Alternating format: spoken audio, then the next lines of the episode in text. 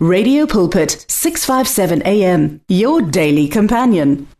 Greetings once again in the wonderful name of our Lord and Savior King Jesus. We thank the presence of the Holy Spirit as we greet all listeners Radio Pulpit ngegama Jesu.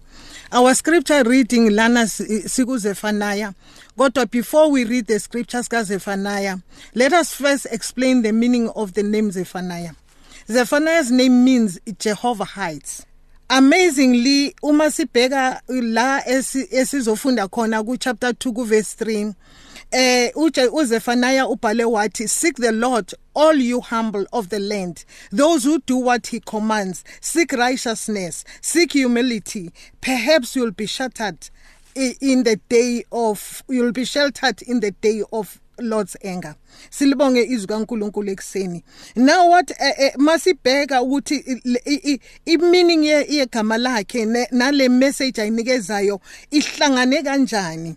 Ngoba uma sibheka ukuthi eh ubekhuluma la uZephaniah nabantu abahumble the meek he was appealing to the meek ukuthi in order for them to be able to to escape uh, from God's anger kudingeka ukuthi bafune uNkulunkulu.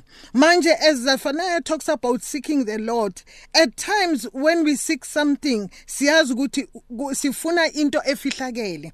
Manje yiko lokho ngithi iyamangaza imessage asinikeze yona. Ngani? Ngoba igama lakhe lithi Jehovah hides manje vele esikhathini esiningi uma sisayicinga into uma sisayifuna into siyayisifune into efihlakele. Siyazi ukuthi ngempela uNkulunkulu asikhona ukumbona ngamehlo kodwa kudingeka ukuthi simfune. Noma singamboni ngamehlo kodwa kudingeka ukuthi simfune. Sithola noJesu Kristo lapha ku Luke 11 ku verse 9 and 10 uJesu uthi so i say to you Ask and it will be given to you. Seek and you will find. For I say unto you, the one who asks receive, and the one who seeks finds.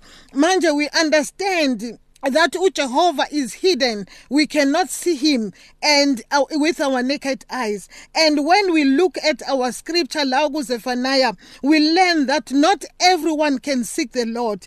People who has pride cannot seek the Lord, but those who are humble and those who are meek are the people akukhulunywa ngabo lento. Yiko lokhu Jesu Kristo ku Matthew 5 verse 5 uJesu Kristo ekhuluma ngokuthi blessed are the meek for they will inherit the earth.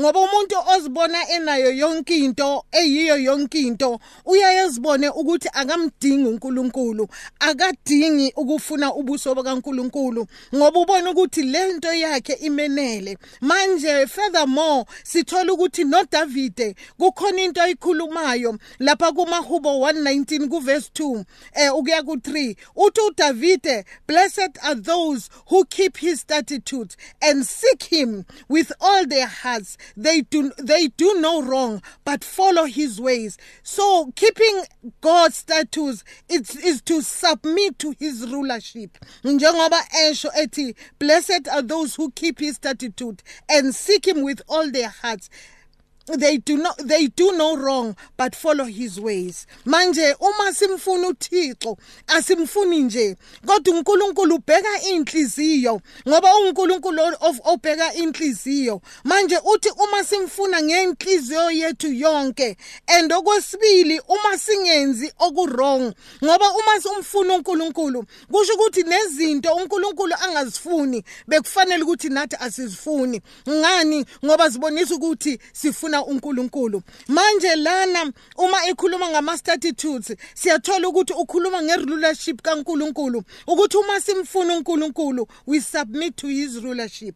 Bheka uma uIsaiah ke ekhuluma ngendaba yokufuna uJehova uthi kuIsaiah 55 uverse 6 and 7 uthi seek the Lord while he may be found. Call to him while he is near. Manje kusho ukuthini lokho kusitshela ukuthini lokho kusho ukuthi eh uma uh, this tells us that if we miss the opportunity to seek him while he can be found we may get we may not get another opportunity to find him when we are desperate. Njengoba esho ethi seek the lord while he may be found. Kusho ukuthi khona isikhathi ongamfuna uJehova ungeke umthole ngoba khona isikhathi bekufanele ukuthi umfuna kodwa zange ube nethuba lokumfuna. Manje uJehova ufuna ukuthi simfune sine sisenesikhathi sisa sisenesikhathi sokumfuna. Singathi uma sesixakekile kube khona simfunayo. Manje ekseni kwanamhlanje uSolomon yilento efana nale ekhulunywa uSolomon. Lapha uma sifunda izwi likaNkuluNkulu lapha kwincwadi yabashumayeli ku chapter 12 ukhuluma uSolomon ngento efana naleyo. Uma ethi lapha ku chapter 12 remember your creator in the days of your youth before the days of trouble come. Manje uNkulunkulu simfuna before the days of trouble come ngoba other people uma bengekho enkingeni abanandaba noNkulunkulu. uNkulunkulu bamfuna ukumsebenzisela inkinga zabo. Manje lana uthi uSolomon uthi Remember your creator in the days of your youth before the days of trouble come. Uthi make qhubeka uthi and the years approach when you will say I find no pleasure in them. uthi kuzoza isikhathi the time will approach la uthi wena i find no pleasure in anything and manje uthi make qhubeka uthi before the sun and the light and the moon and the stars grow dark and the clouds return after the rain. Uyabona ukuthi kukhona isikhathi when the sun uthi uma ubhekile ngathi kusebusuku kusemini. Lana athi before the sun and the light and the moon and the stars grow dark. Lezo zinto it's impossible ukuthi zona zinga zingaba dark but uma izinto zingahambi kahle ubona ngathi kumnyama yonke into ubona ngathi awutholi anything. Manje uthi before the sun and the and the moon and the stars grow dark and the clouds return after the rain when the keepers of the house tremble and the strong men stoop when the grinder cease because they are few and those looking through the windows grow dim. Cabanga uma usofike kufike isikhathi sokuthi uma ufuna uJehova uthi uma ubheke emafesteleni ubone yonke into ngathi dim. Bese athi uma eqhubeka when the doors to the street are closed kukhona isikhathi la uthola ngathi iminyango ivaliwe. Uthi uphuma ngapha ngathi iminyango ivaliwe. Uthi ungena ngapha ubona iminyango ivaliwe. Manje uthi make qhubeka athi and the sand of grinding faith. Kuba khona isikhathi sobunzima. Uthi lapha when when men rise up at the sound of birds but all the songs grow faint uthola ukuthi nenyoni uma zikhala ekseni uthola ukuthi akusekho bumnandi. Ukuthi manje asekusile sengihlangabezana nenkinga. Manje ekseni kwanamhlanje sikhuluma ngokufuna uNkulunkulu ngokufuna uJehova ukuthi uyasho uIsaiah uthi seek the Lord while he may be found. Call to him while he is near. Kuba khona isikhathi sokuthi uNkulunkulu ngathi uma umfuna ngathi kude kakhulu. Kodwa manje izwi likaNkulunkulu liyasixwayisa liyasibiza ukuthi masimfune uJehova isikhathi sisekhona isikhathi sisavuma. uJehova eseseduze nathi bese athi lapha uSolomon uma iqhubeka athi when men are afraid of the heights and the dangers in the streets. Ha namhlanje kufana ngathi sisesikhathini esifana naleso ukuthi namhlanje we see the dangers in all the streets kodwa abantu abangaphepha kuyizo zonke izinto ezenzakalayo namhlanje are the people abafuna uNkulunkulu isikhathi sisekhona. Uthi la when the almond tree blossom and the grasshopper drags himself along and the desire no longer is dead. Uyabona lapho kusho ukuthi uma ufike isikhathi sokuthi ungaseba ne desire anything. Uyabona yilesikhathi thina esithi umuntu ufike kwisikhathi se depression ufike kwisikhathi se depression lapho engasenathemba. Ngani? Ngoba mhlambe isikhathi sokuba nethemba sasikhona kodwa azange umuntu asisebenzise. Bese kuvela izinto ezenza umuntu kuze kufike isikhathi kuthiwa une depression manje ekseni kwanamhlanje sikhuluma ngokufuna uJehova uthi lama ke qhubeka uthi then man goes to his eternal home and mourners go about the street. Kuyoba khona isikhathi lapho uthola ukuthi sekufike nesikhathi sokufa. Uyabona kukhona into yokuthi umuntu uNkulunkulu esekhona ngamfuni. Let me tell you a story.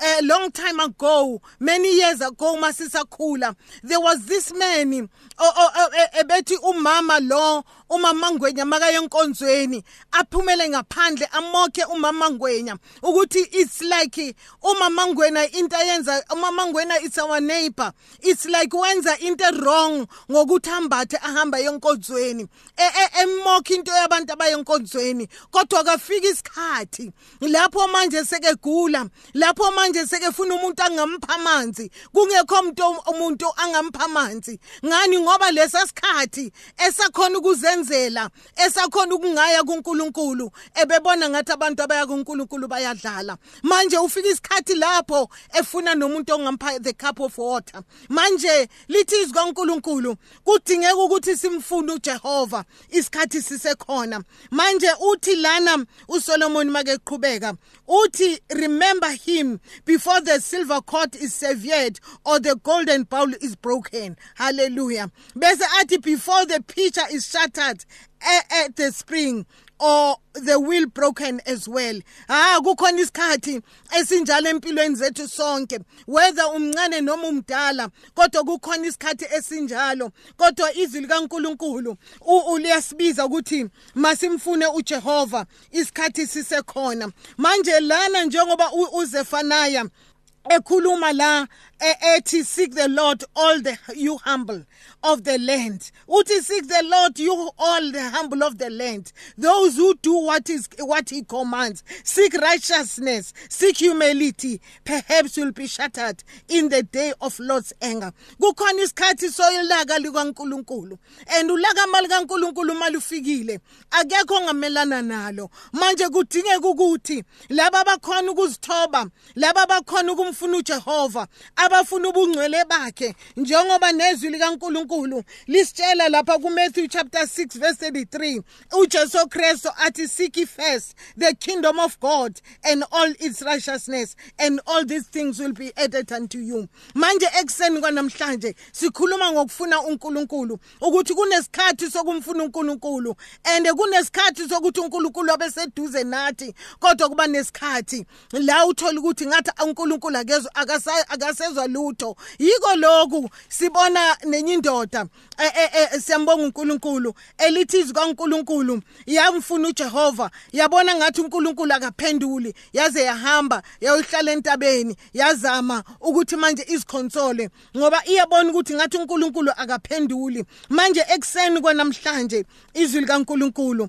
liyasibiza ukuthi simfune isikhathi seseduze isikhathi sisesekhona manje uma sibheka uDavide ukuthi why the bible say uh, uDavid was the man uh, uh, after um, uh, who's uh, uh, after God's heart. Ngoba uNkulunkulu ebebona uDavide that he is a man ofuna uNkulunkulu. Manje uma sibheka uDavide lapha kumahubo chapter 9 ku verse 10 uthi makebhala uthi those who know your your those who know you trust in you. For you lord have never forsaken those who seek you. Manje laba bamaziyo bayamthemba uNkulunkulu and uNkulunkulu have never forsaken them. And uNkulunkulu laba abamaziyo bayamfuna uNkulunkulu. Manje at the same time uthi makebhala uDavide athi makebhala kuma kumahubo 14 ku verse 2 athi the Lord looks down from heaven on all mankind to see if there are any who understand and seek him. uNkulunkulu bangcwele uyabheka emhlabeni wonke efuna umuntu ongam understanda and umuntu omfunayo. Siyabona ukuthi uNkulunkulu uyabheka emhlabeni ngoba nezwi likaNkulunkulu liyakhuluma lapha yana kumilaki ku chapter 3 sibone ngempela ukuthi uNkulunkulu uyabheka phansi ebheke umuntu ongamfuna. Ngoba uma from verse 13 lithi leli lizwi you have said harsh things against me says the lord yet you ask what have we said against you bese ku verse 14 ithi you have said it is futile uh, to serve God. What did we gain by carrying out his requirements and going about like mourners before the Lord Almighty? But now we call uh, we call the arrogant blessed. Certainly the evildoers prosper, and even those who challenge God escape. Go verse 16 lithi. Then those who feared the Lord talked with each other, and the Lord listened and heard. A scroll of remembrance was written in the presence concerning those who feared the Lord and honored his name they will be mine, says the Lord Almighty. In the day when I make up a treasure possession, I will spare them, just as in compassion a man spares his son who serves him. And you will again see there's distinguish between righteous and the wicked, between those who serve God and those who do not. Manje siyabona la ukuthi noNkulunkulu wabezwa ababi bekhuluma ukuthi komsiza ngani uNkulunkulu and at the same time kwaba khona abakhuluma kahle ngoJehova manje uthi uNkulunkulu kukhona izinto enikhulumile kabi ngami. And at the same time uNkulunkulu uthi then those who fear the Lord talked with each other and the Lord listened and heard. A scroll of remembrance was written in his presence concerning those who feared the Lord and honored his name. Manje we see ukuthi njengoba lisho nezwi likaNkuluNkulu ukuthi ngesikhathi se judgment day incwadi zizovulwa kuzovulwa incwadi njengoba uJesu Kristo kukhona la ekhuluma khona ukuthi eh, sizogwetshwa ngamazwi esiwakhulumayo ngomlomo wethu. Manje kukhona ukuthi ungamfuni uJehova mawungamfuni uJehova kube khona into ozikhulumayo against uNkulunkulu and against abantwana bakaNkulunkulu and against abantu abafuna uNkulunkulu. Manje kuseni kwanamhlanje uZefania uthi uh, seek the Lord all you humble of the land, those who do what he commands, seek his righteousness, seek seek humility. Perhaps you will be uh, uh, sheltered in the day of the Lord's anger. Manje ekseni kwanamhlanje sikhulumile ke ngoDavide ukuthi bekumuntu athi uNkulunkulu he's the man after his own heart. Ngani? Ngoba uDavide empilweni yakhe yonke ebefuna uJehova. Kukhona la athi kumahubo 27 verse 4 one thing I ask from from from me may dwell in the house of the Lord all the days of my life to gaze on the beauty of the land and seek him in his temple. Uthi kukhona into enye engiyifunayo emhlabeni. Ukuthi ngifune uNkulunkulu ngihlale ebukhoneni bakhe endlini yakhe and gaze on the beauty of the Lord and seek him in his temple kukhona uNkulunkulu la simfuna khona asimtholi uNkulunkulu kuyo yonke indawo kodwa kukhona la ekudingeka ukuthi simthole khona manje athi kumahubo 40 kuverse 16 But may all who seek you rejoice and be glad in you. May those who long for your savings help always say, The Lord is great. But esasho lokho ethi may all who seek you rejoice. Uma simfuna uNkulunkulu kuba nenjabulo empilweni zethu. Ngani? Ngoba uNkulunkulu he hears us and uNkulunkulu kuyamthokozisa lokho. Bese athi futhi uDavide kumahubo 63 kuverse 1 you God are my God Earnestly I seek you. I thirst for you. My whole being longs for you in a dry and parched land where there's no water. Manje siyabona ukuthi uNkulunkulu kufanele simomele njengamanzi. Izwi kaNkulunkulu kufanele silomele. Izwi kaNkulunkulu kufanele sibe nendlala ngalo ukuze sikwazi ukumthola uNkulunkulu. Manje sesivala sithola ukuthi futhi kukhona la athi lapha kumahubo 34 verse 10 uthi the lion lion may grow weak and hungry but those who seek the lord lack no good thing. Siyazi ukuthi izwi kaNkuluNkulu selithembisile ukuthi the lion may grow, grow, grow weak and hungry but those who seek the lord lack no good thing. Manje ekseni kwanamhlanje ngithanda ukukukhuthaza nawe ukuthi isikhathi sokuthi ungamfuna uJehova and the bible tells us that we will lack nothing. Uma simfuna uNkulunkulu may god richly bless us this morning. Sizame ukumfuna uNkulunkulu and be humble and search for him and search for his face and know ukuthi uNkulunkulu ufunani endleleni yethu ukuze simthokozise ngegama lika Jesu waseNazaretha. Amen. The words of the Lord are words of life. Your heart is on 657 AM 657 AM radio for believers in action